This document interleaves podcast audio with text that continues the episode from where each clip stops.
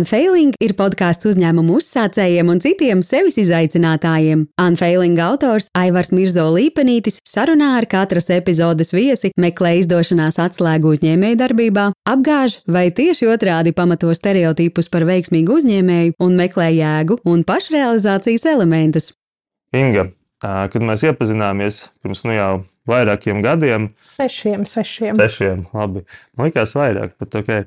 Tu tikko biji uzsākusi liekas, savu pirmo uzņēmumu, ja kļūdos, izlabo.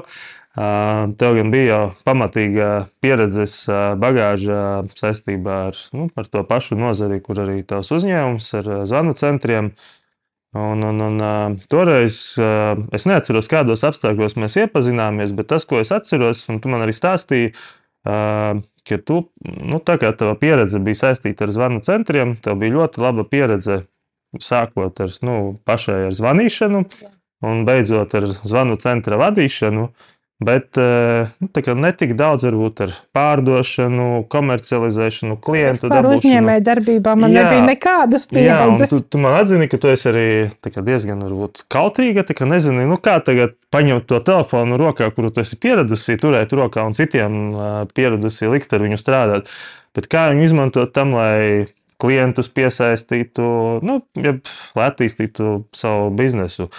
Uh, Toreiz man arī bija tas gods tev drusciņi dot svētību, varbūt kaut kādās citās, citās arī profesionālajās gaitās norādīt virzienu, parādīt, kas tev arī palīdzēja gan attīstīt tavu pamatu biznesu, gan arī nokļūt arī dažās citās jaunās pozīcijās. Un, un kopš tā laika mēs nebijām kādu laiku redzējušies. Tad mēs šodien satikāmies, un es teiktu, ka man blakus sēž pilnīgi cits cilvēks. Nu, tāpat Inga, tāpat Inga, bet nu, tā, ka es pat sāku nervozēt tavā klātbūtnē. Nu, kā, kā tu teici, kurš tad satraucas šajā sarunā? Um, gribu pastāstīt, varbūt īsumā tādu īso ceļu no tās kautrīgās zvanu centra vadītājas līdz Ingai, kas uh, vada savu uzņēmumu Sonido arī sociālo uzņēmumu vai sociālo virzienu parunāsim. BNI grupas, varbūt jā, no tevis komentārs. Nu, jāatzīst, ka tajā laikā, kad mēs pirms sešiem gadiem satikāmies, un es pat tev varu atgādināt, tas bija Lijā pasākumā saistībā ar Skandināvijas eksporta uzņēmumiem. Okay. Un, uh, es tieši tev teicu, ka mans izaicinājums ir atrast Latvijas uzņēmējus, lai ar viņiem runātu. Un tā kā atrod šo jauno pārdošanas platformu, lai atrastu jaunus kontaktus. Un tu man teici, klausies, man šķiet, ka es zinu, kas tev ir ļoti piemērots. Tev vajadzētu aiziet uz BNI. Tas ir nu, tiem, kas nezina, tas ir Business Network International. Un es toreiz aizgāju aizēju uz to grupu, es saprotu, jā, īstā vieta, kur man jābūt, lai es varētu dabūt kontaktus un attīstīties. Un kas bija interesanti, es saprotu, ka tā iestāšanās maksa bija šausmīgi sālīta. 600 eiro. 800, 800, jā. Okay.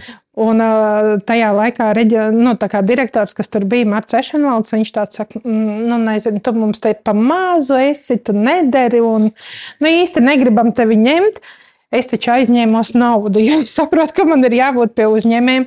Aizņēmos naudu, pierunāju, lai mani ielaiž grupā. Un tad es sapratu, ka nekā jau cita tajā laikā, kad es sāku, izņemot manu darba spēku, un manu entuziasmu nekā jau man īsti nebija. Ne. Tas bija vienīgais, kā es varēju pierādīt, ka es kaut ko varu.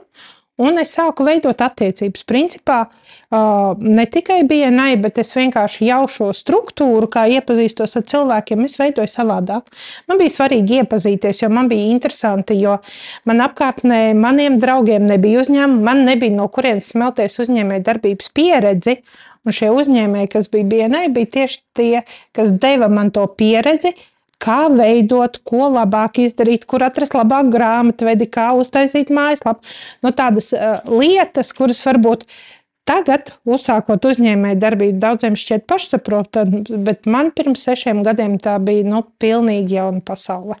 Okay. Tad tā kā komūna vai ekosistēma priekš tevis ir atslēga uz biznesa attīstību un uz sevis kā vadītājas attīstību. Ja? Man šķiet, ka tas ne tikai man. Es domāju, ka tā vide, kurā tu esi, viņa var tevi gan celt, gan arī nolaist līdz zemē. Un jautājums, vai tu atrodi to pareizo vidi, kurā būt iekšā un kurā darboties. Un jautājums, kad tu viņā ieeji, vai tu tur tiešām darbojies, ja vienkārši formāli esi.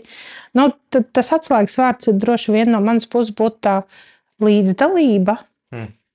Līdzdarboties vidē, bet uh, kā sociālā uzņēmuma, kā sociāla uzņēmēja, un arī, kā tu man pastāstīji, ko es nezināju, uh, kā arī sociālās, sociālo uzņēmumu Sociālās uzņēmējdarbības asociācijas padomus priekšsēdētāja. Tu piedalies šīs vidas veidošanā, nevis vienkārši piedalies vidē.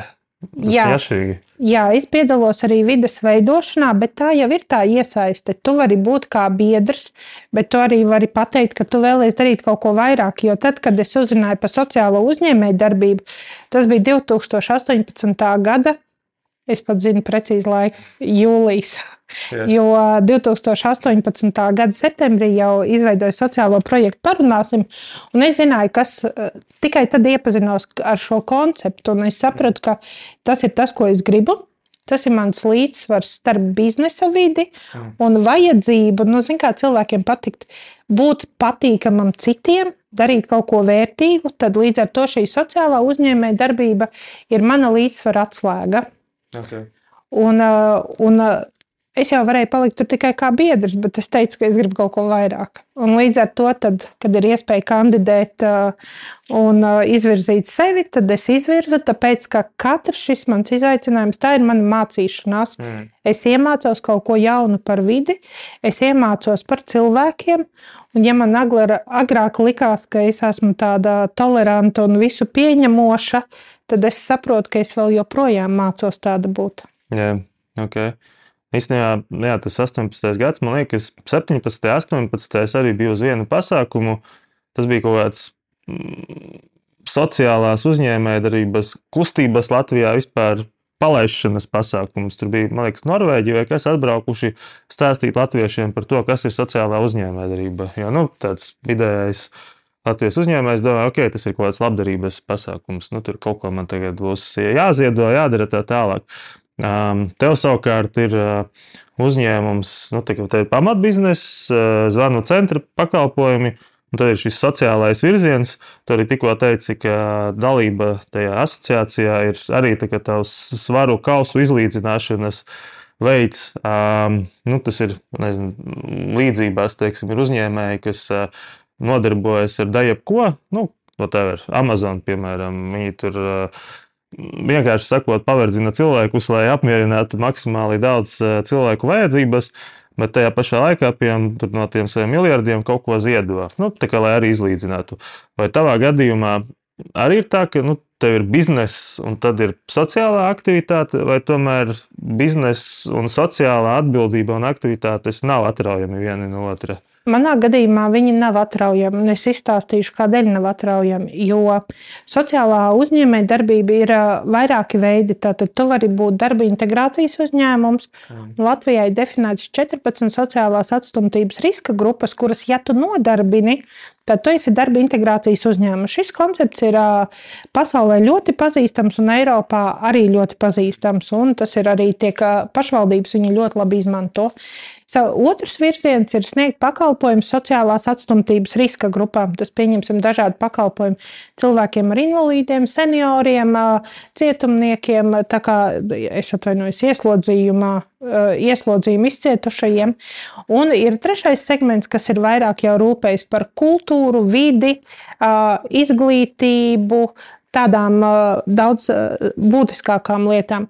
Un es esmu klasisks darba integrācijas uzņēmums, jo es nodarbinu pie sevis cilvēkus no sociālās atstumtības riska grupām. Šobrīd man strādā 15 cilvēki ar invaliditāti. Mm. Un zvanu centrs ir tā vide, kurā viņiem ir viegli ieiet strādāt. Mm. Mums ir diezgan daudz arī vecākajiem cilvēku, kam es investēju vairāk laika, lai apmācītu viņus, lai viņi varētu pilnvērtīgi strādāt. Un tā kā darbs zvanu centram ir diezgan elastīgs, jo var strādāt arī no mājām, tas nozīmē, ka mēs arī to posmu, kad viņiem jāpārvietojas, izņemat ārā. Līdz ar to, ja tu saki, ka parunāsim man sociālais aspekts, tad tas bija tikai sākums, kā es to saskatīju, bet tas izaug daudz lielākā formātā. Un tagad jau caur manu piemēru, ka es nodarbinu cilvēkus ar invaliditāti, Es konsultēju arī citus uzņēmumus. Es mm. konsultēju, kā viņi to var darīt. Jo nevajag jau daudz iedomāties, ja kaut vai katrs uzņēmums paņemtu darbā vienu cilvēku ar invaliditāti, jeb no citas atstumtības grupas, mēs jau būtu ļoti daudz nodarbinājuši. Mm. Un jautājums, kāpēc cilvēkiem jādzīvo uz pabalstiem, ja viņi var būt iekļaujošā sabiedrībā, jo tiem, kas ir riska grupā, patiesībā pats būtiskākais, kas ir, ir būt daļai no sabiedrības un būt tādam pašam kā citi. No kurienes šis, šī vēlme? Teiksim, iesaistīt šos, šīs cilvēku grupas sabiedrībā, vai integrēt, vai atbalstīt viņas arī, kur ir, kur ir tas dzinulis. Tu iepriekš teici, sociālajā, sociālās uzņēmējdarbības asociācijā tu iesaisties, tāpēc, ka atkal tā bija iespēja mācīties, bet šeit, nu, kāpēc tu arī biznesā Nu, es godīgi sakot, teikšu, tā, tā, tā gan bija nejaušība. Mm. Jo tad, kad es izdomāju savu sociālo projektu, parunāsim, kas ir uh, projekts, kur uh, cilvēki, kas jūtas vientuļi, var piezvanīt, lai vienkārši tāpat parunātos. Mm. Un tā kā es biju iepriekš strādājis par zonu centra operatoru, kā tu minēji, es zinu, kādas ir tās sarunas, kad cilvēks zvana. Jā. 70% gadījumu nevienam no viņiem nevajag risinājumu. Viņi grib vienkārši parunāt, izreaģēt savas emocijas, pabļaut uz kādu, kas ir klasiskākais, nu, zonu centra operatoru ikdiena, tā kā operatoru turaties. Un uh, tad, kad es, uh, es saprotu, ka es gribu tādu tālu nu, uztaisīt, kur cilvēks var parunāties, nesaņemt psihologu konsultāciju, nekādu citu, bet tikai runāt. Tas, ko es dzirdēju, tu teici, ok, viens bija tas, ka tev agrākā pieredze, no kuras tu zināji, ka cilvēki zvana, jo viņiem vajag parunāt. Man liekas, tas pats ir ārstiem, tā tālāk pie viņiem nāk bieži vien parunāt. Um, bet uh, vai tu veici kaut kādu izpēti pirms uzsāki to sociālo virzienu, piemēram? Vai tas bija tā, nu, ok, man ir ideja, darām, Vai tajā laikā man nebija pieredzes, lai es varētu izdomāt, ka man vajag veikt izpēti, lai kaut ko darītu. Ir to caur, da caur darīšanu pētīt. Jā, dzist, jā, tas man bija tāds intuitīvs. Es tik ļoti gribēju tādu ieviest dzīvē. Mm. Un uh, pirmajā mēnesī mums bija tikai 40 zvani. Jā. Un vai tu vari uzminēt, cik mums tagad mēnesī ir zvanu? 400. Mini vēlreiz. 1800. Nu, tad jau tad, tā, tā jau ir liela gabala. Nē, mums ir uh, vidēji starp 800 līdz 1000 zvaniem mēnesī. Okay. Ar vidējo sarunas ilgumu 40 minūtes. Un kā domā, kāds ir vidējais vecums, kas zvana? Zin kā, vidējais ir viens, bet es minu, ka ir uh, divi veidi. Gan jau ir uh, jaunieši, un tad ir uh, 60 gadnieki, piemēram, 70 gadnieki. Nu, atkal tu neuzminēji. Tātad, ja tā, nu, un te mēs runājam par tirgus izpēti, ja es arī tieši tikpat stereotipiski biju domājusi, bet uh, sākumā jām zvanīja vecākajiem cilvēki, sākot no 50 plus un cilvēki ar invaliditāti, bet tagad mūsu zvanītājs ir vīrietis 30. Mm, okay. Un uh, tas ir tādēļ, uh, tas iezīmējās jau Covid laikā, tādēļ, ka uh, Vīriešiem, kas ir ap 30, viņiem parasti ir ģimene, viņiem ir atbildīgi amati, un tas sloks, kas viņiem ikdienā bija jāiznes Covid laikā, patiesībā bija ārprātīgs. Tā neziņa bija tik mm. nomācoša, ka daudziem likās, ka ar viņiem kaut kas nav kārtībā. Mm. Tu lietoji vairāk kārt vārdu izrēģēt, man liekas, tas stilīgs, trendīgais vārds. Uh, Es ticu, ka tavai komandai arī sakrājas no tām reaģēšanām, to zvanītāju uh, Kā viņi pēc tam izrēģēja? Mums ir arī uh, psihologa supervīzijas, gan individuālās, gan kolektīvās. Līdz ar to mēs ar to strādājam. Jā, protams, cilvēki uztic ļoti sāpīgus dzīves stāstus, un, un dažreiz vajag arī pašiem attīrīties, un tas ir tāds veids, ko mēs darām. Jā, jo es zinu, piemēram, stāstu. Nu, teiksim, YouTube, YouTube ir veselas komandas, viņi to outsourcē gan uh, uzņēmumiem, kas iet cauri visiem noreportētajiem video, skatās arī Facebookā tas pats, skatās tos noreportētos video. Un iedomājas, nu, kas tiek reportēts. Tur vardarbība, nu, sviests visāds. Un, uh, tur tiek daudz runāts uh, par to, cik tas vispār ir sociāli atbildīgi likt cilvēkiem kaut ko tādu skatīties. Pat ja viņiem par to maksā, pat ja viņi ir informēti par to, ka nu, viņiem tas būs jādara, tas būs viņu darbs no rīta līdz vakaram. Um, Un, un, un nu, tur tie uzņēmumi cenšas ar algoritmiem atrisināt šo problēmu, lai tas nav jādara cilvēkiem, bet, nu, kā mēs zinām, algoritmi aizved bieži vien krūmos. um, tāpēc es domāju, ka nu, okay, jums ir uh, cilvēki, profesionāļi, kas strādā ar komandu, bet cik no tām, tās izrēģēšanas vajadzības aiziet līdz tevim, vai tev pašai nenākas arī kaut kur izrēģēt? Tas ļoti labs jautājums. Es teiktu, ka es pat nedomāju, jo man, zināmā mērā, kad uh, tu kā uzņēmējs, uh, it īpaši, kad ir dažādas krīzes, tev ir sajūta, ka tev ir jābūt tik mobilizētam un visu laiku jādomā, lai darbiniekiem būtu laikā algas, lai uh, debitori samaksātu laicīgi, lai projekti ienāktu pietiekamā apjomā. Un, zini, es pat teiktu godīgi, ka es grēkoju ar to, ka es par sevi nepadomāju. Mm. Es arī cenšos uh, reizi gadā uz nedēļu nozust uh, kalnos, lai sakārtotu domas, un, un, un plānus un idejas. Zinu, ka tā dara, dara arī daudzi nu, sevi pierādījuši uzņēmēji un speciālisti. Zinu, arī viens grāmatas autors Latvijā uzņēmējs, nu, jau ļoti zināms, tagad pēdējā laikā īpaši zināms, jo arī uh, politikai nolēmis iekāpt, tāpēc es viņu arī neminēšu vārdā. Bet eh, arī viņš, arī viņš savā grāmatā klāstīja par to, ka viņš ik gadu uz Austriju dodas uz nedēļu atslēgties. Um, Kā tev izdodas atslēgties? Tad? Nu, man īstenībā neizdodas atslēgties, bet eh, labais, nu, tas, ka, ko es esmu jau izdarījis, es sestdienās, svētdienās vairs nestrādāju kas, manuprāt, jau ir labs solis.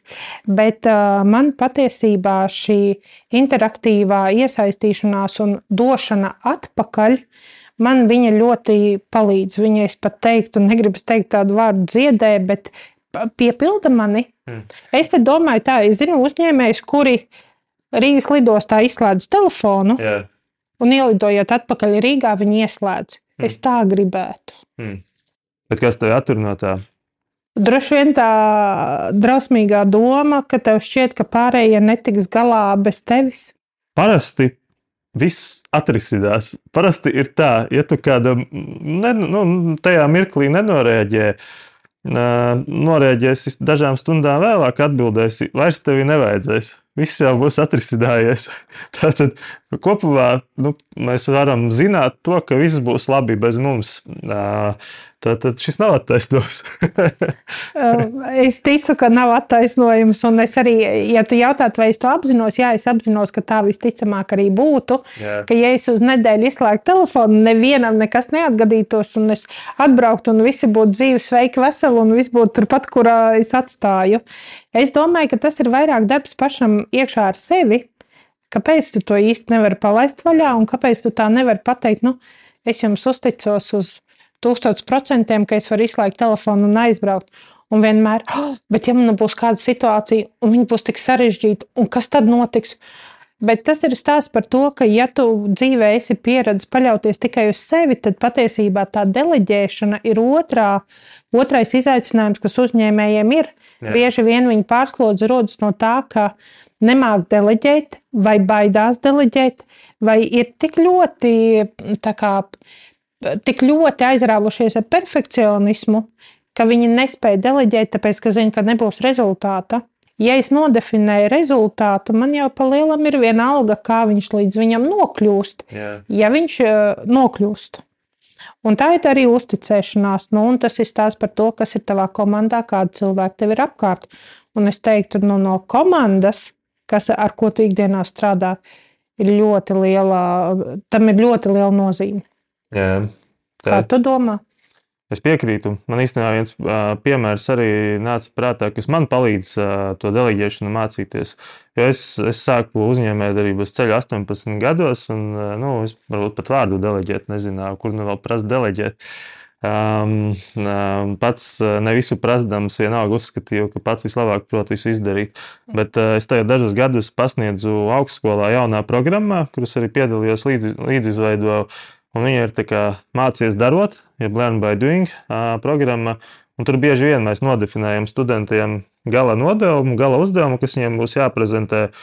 Mēs viņiem palīdzam caur procesu, ar zināšanām, tā tālāk, bet kā viņi to paveiks, pat tas gala materiāls, nodevums, formāts, tas viss ir viņu ziņā.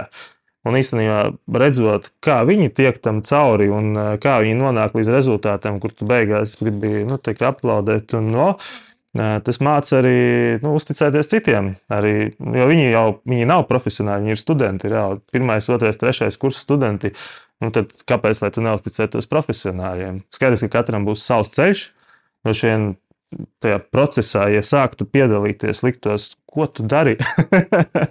bet, eh, bet kopumā jā, tas man vismaz tas ir labs, eh, labs laba, laba mācība uzticēties. Absolūti pretrunā ar, piemēram, kad es studēju.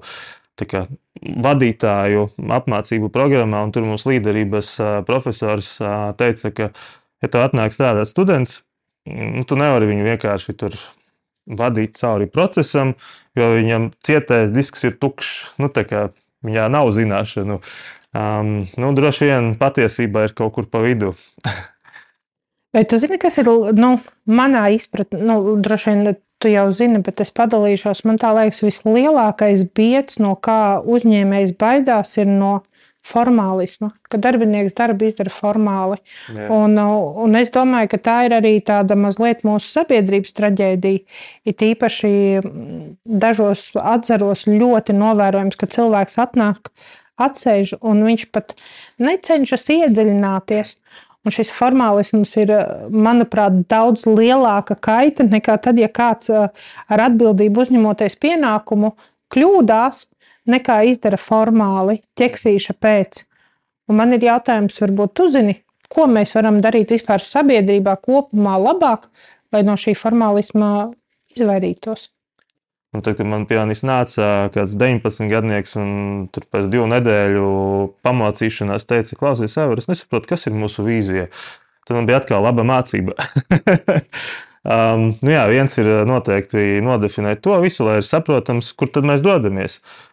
Un otrs ir, protams, mērķi. Nu, tas, ko es minēju par studentiem. Viņi zina, kas ir jāpaveic. Viņi izdomās, kā.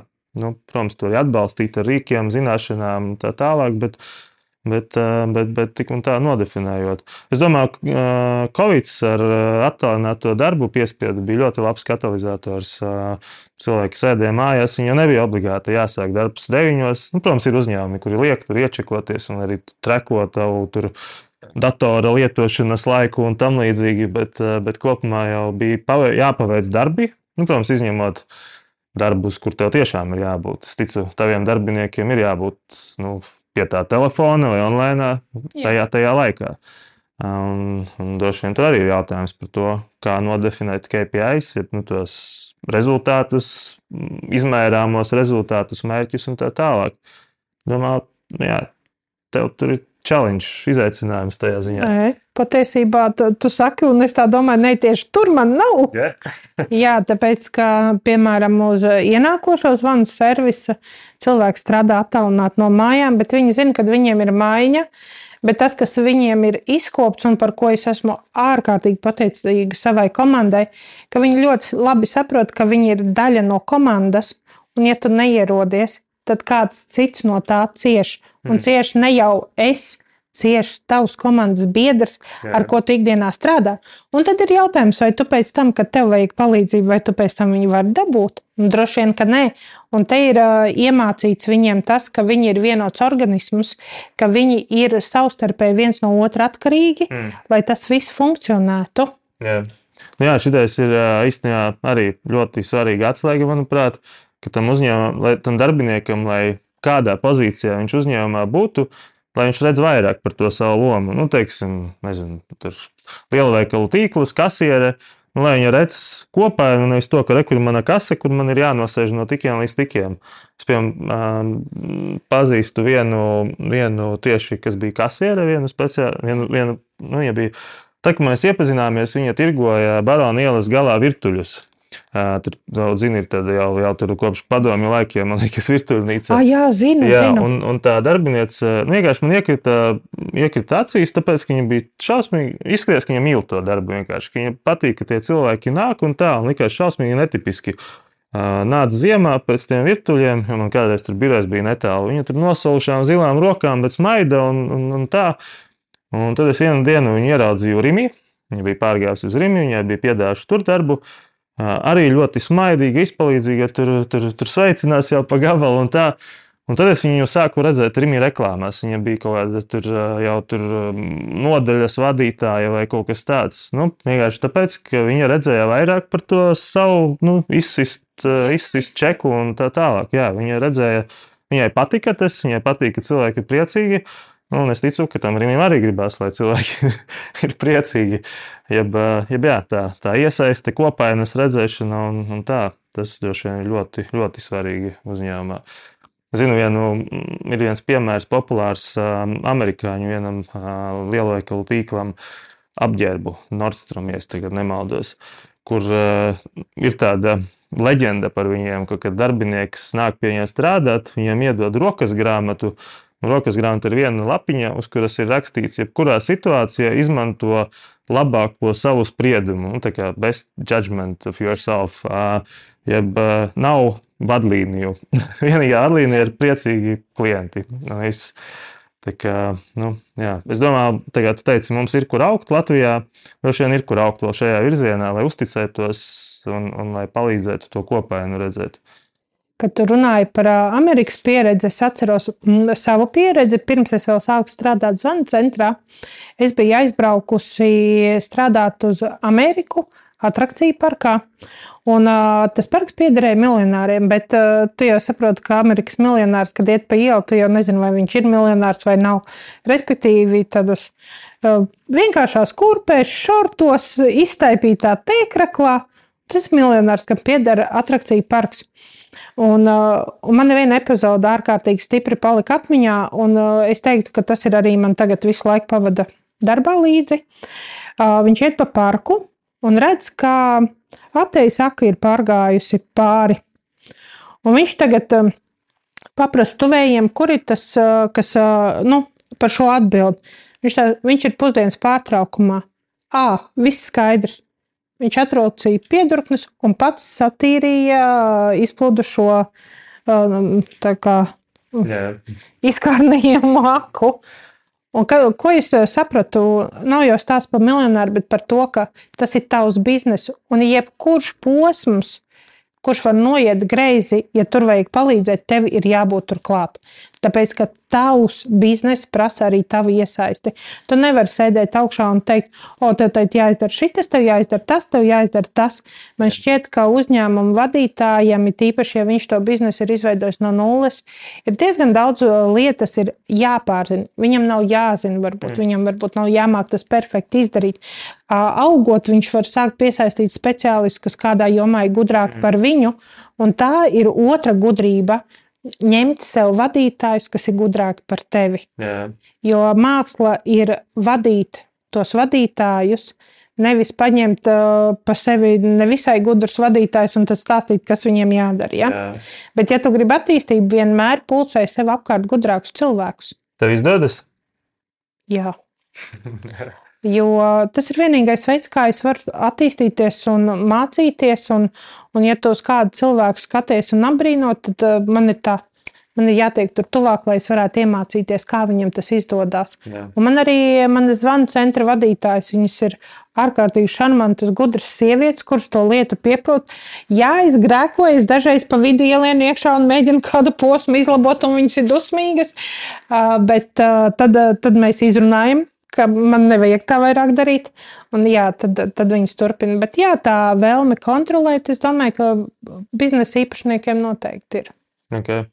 Norezinēja par to, par to tevis minēto miljonāru ASV.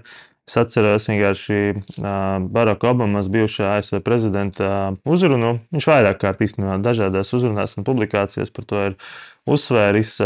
Īstenībā šobrīd tas ir aktuāli arī Latvijā. Uh, Um, tur konkrēti viņš runāja par um, pilsoņu iesaisti, par iedzīvotāju iesaisti. Nu, nav, nav noslēpums, ka amerikāņi ļoti kā, propagandē to, ka viņi paši veido savu valsti, paši savu, nu, sākot ar paši savas laimes kalšanu un beidzot ar visas valsts uh, vilkšanu no entajiem mēsliem ārā. Tur viņš vienkārši uzsvēra par to, ka jā, ASV ir laikam lielākā tērētāja militārajai jomai, tur cik mēs tur, tur procentus tērējam militārajai nozarei. pusotrs procents, ja pareizi atceros, no iedzīvotājiem, no pilsoņiem kaut kādā veidā ir iesaistīti militārajā nozarē, kas ir arī milzīgs skaits. Bet, eh, ja tu, pil, nu, tu iedzīvotāji pilsonī domā, ka ar to pietiek, nu, ka tur samaksā ar nodokļiem, tas tur strādā, brauc uz Irāku vai Afganistānu vai, vai tur dienē, tad nē, ar to nepietiek. Nu, ar to mēs nenosargāsim valstī, demokrātiju, tā tālāk. Tā tālāk. Nu, šobrīd eh, Latvijā cilvēki cepas par militāro dienestu obligāto.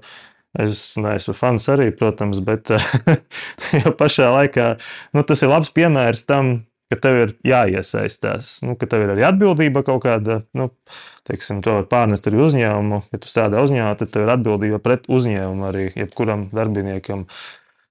Kā tu to starp citu vispār saviem darbiniekiem, teiksim, neiestasti, bet parādi vai, vai, vai iemāci, ka viņi ir daļa no, viņi ne tikai ņem, bet nu, viņi arī ir atbildīgi par to, kā ies uzņēmumam.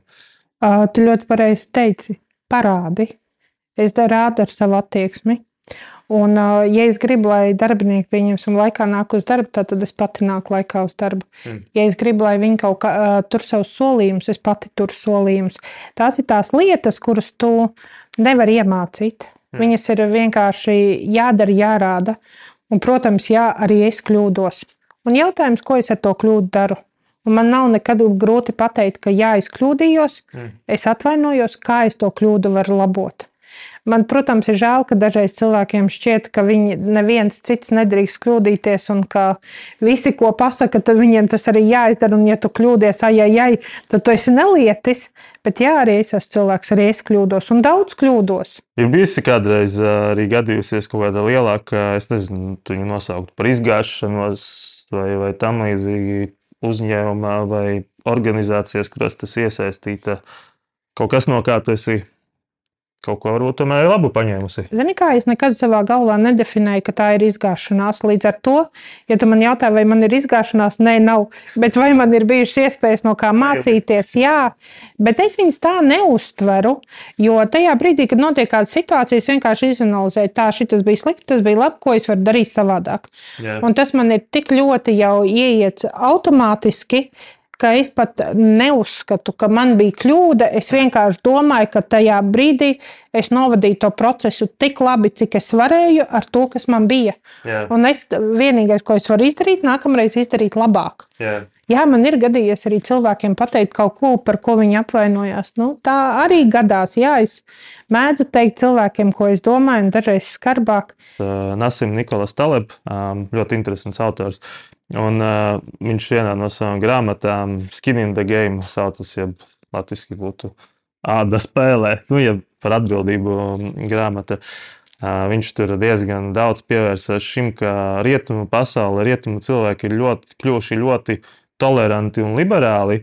Un tas dod iespēju dažādiem ekstrēmumiem uzkundzēties tajā pasaulē. Un tur nav runa pat tikai par citām valstīm, citām kultūrām, citām nacionalitātēm, bet mēs arī šeit redzam, politiski arī tie, kas ir agresīvāki, liberālie piekāpjas. Visbiežāk, ja nestrīdās pretī. Latviešiem taču teiciens gudrākais piekāpjas, kas, manuprāt, nav uz izaugsmi vērsts. Nu, viņš agresīvajā pasaulē vienkārši šī gudrība nav vērsta uz izdzīvošanu. Tev ir kaut kāds piemērs no savas dzīves, šī tādā virzienā, kur tu piekāpies kā gudrāka, bet rezultātā tu saproti, ka ir aiziets grāvī. Nē, tāpēc ka es pieņemu viedokli, bet mana rīcība paliek manā kompetencē. Okay. Jo viedokļus var uzklausīt, un es uzskatu, ka vajag uzklausīt viedokļu dažādība ir vajadzīga. Bet ir brīži, kuros tomēr rīcībai ir daudz lielāka nozīme. Un es neslēpšu, ka Covid laikā tas bija izaicinoši, un es zinu, cik ļoti sadūrās tās pretējās domas. Un tad es stāstu par to, ko tu dari. Bet es uzskatu, ka viedokļus uzklausīt vajag. Piekāpties diez vai. Tā ir. Man atkal, atkal piemērs no Baraka Obamas gudrībām. Viņš arī tieši pandēmijas laikā ļoti daudz izteicās par šo, un, un viņš aicināja arī nevis. Nu, apmēram tajā brīdī bija populāri, jo, ja ieju Facebookā, šitais kaut ko ņemas par, tām, par to covid atsekot. viņš aicināja tos cilvēkus uzaicināt uz sarunu un sakauju. Tas druskuļi atšķiras no tava viedokļa. Uzklausīt un darīt pa savam, tas ir tāds atkal tāds mierīgais ceļš, jo tas cilvēks turpinās iet nu, un stāstīt savu domu. Um, un, un, un man arī no profesionālās darbības ir bijis tā, ka uh, kad ir bijuši kaut kādi manas uzņēmēja darbības oponenti, maigi sakot, es arī esmu kā, tolerējis un nereaģējis uz viņiem. Ja, nu, es vienkārši turpināju darīt. Bet uh, tie cilvēki, nu, viņi sāka to, to, to, anti, nu, to pretkustību pret manu uzņēmēju darbību kā tādu sniega bumbu veltu, jo viņiem nu, ar to pļaušanu rodas sekotāji. Nu, tas taču ir visvienkāršākais. Nu, jā, bet, bet tad tu uzskati, ka nu, ka nav vērts pret viņiem cīnīties, ka uzklausi un lai viņš tur nu, dzīvo. Zini, kā nu, runājot par to cīnīšanos, nu, cīņa nekad nenoved pie rezultāta. Vienmēr būs kāds zaudētājs. Tad, jautājums, vai uzspiežot savu viedokli, es kļūstu labāks par to, kurš mēģina man nospiest savējo? Es domāju, ka nē. Un līdz ar to stāsts ir par tavu atbildību, jo tu nekad nezini, kāds ir tam citam cilvēkam iemesls tā rīkoties. Tas, ka viņam parādās sekotāji, jā, var būt. Bet, ja tu izprastu iemeslus, varbūt tu domātu savādāk. Droši vien tu zini pati jau, kas ir tādas vispār profesionālās dzīves virsmērķis vai iemesls. Es iepriekš esmu domājis par to, ka, ja mēs radītu vidi, kurā visi, kā saka, grib strādāt, grib iesaistīties, viens otru uzklausa, un jo vairāk tu pārējos iesaisti tādā vidē, jo vairāk viņi vēlas tādu vidi paši ap sevi. Tas nozīmē, ka tavs burbulis sāk augt. Un kādā brīdī tie, kuri neiesaistās, kuri vienmēr protestē, viņi kādā brīdī būs spiesti nu, pakļauties tam vairākumam. Un tad es gribu, lai šī ieklausīšanās, pieņemšana būtu nu, vairākums viens no viesiem, arī no epizodu viesiem, ierosināja, ka mēs ar katru viesi izveidojam, kā viņš teica, recepšu grāmatu priekš jaunajiem uzņēmējiem, citiem izaicinājumu uzsācējiem vai jau darītājiem. Um, nu, kopīgi arī uzrakstām šīs receptes. Um, es tev varbūt pēc tam palūkšu par tavu recepti padomāt, bet varbūt tev uzreiz nāk prātā, kas būtu tava recepte ja, ja mēs te rakstītu recepšu grāmatu, būtu Ingas recepte. Ingas recepte, nu, es jau vairākas reizes šodien to pateicu, un es domāju, nekas nebūs unikāls. Ka pirms tu pieņem lēmumu, paklausies, ko otrs tev grib pateikt. Jo tu nekad nezini viņa iemeslu, kāpēc viņš rīkojas tieši tā, kādēļ viņa uzvedība ir tieši tāda. Un iespējams, uzzinot iemeslu, tas paplašina pirmkārt tavu redzesloku, bet tas nenozīmē, ka tas maina tavu lēmumu. Bet uzzināt patiesos iemeslus vienmēr ir svarīgi.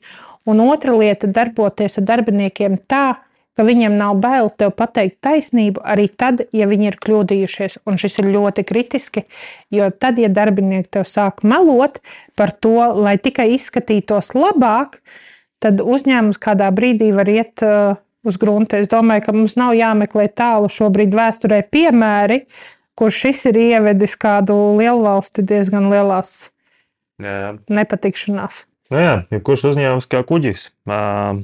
Ja gadās, ka tas, kurš vēro apkārtnī, gribēdams izpatikt kapteinim un apkalpē, teiks, ka nē, nē, viss labi, braucam tālāk, guliet vispār. Aizberga nav. Aizberga nav, vai tur arī nenāk. Tad, nu, tad var sadāk, kā sadāk. Bet tas ir stāsts par to, ka jārunā un vēlreiz jārunā. Jā. Nekas vairāk. Mans viss bizness ir par runāšanu. Kā nekā parunāsim, vai ne? Parunāsim. Paldies, tev, Inga. Paldies tev. Šī bija podkāstu Unfailing epizode. Visas epizodes audio un video formātā pieejamas populārākajos straumēšanas servisos.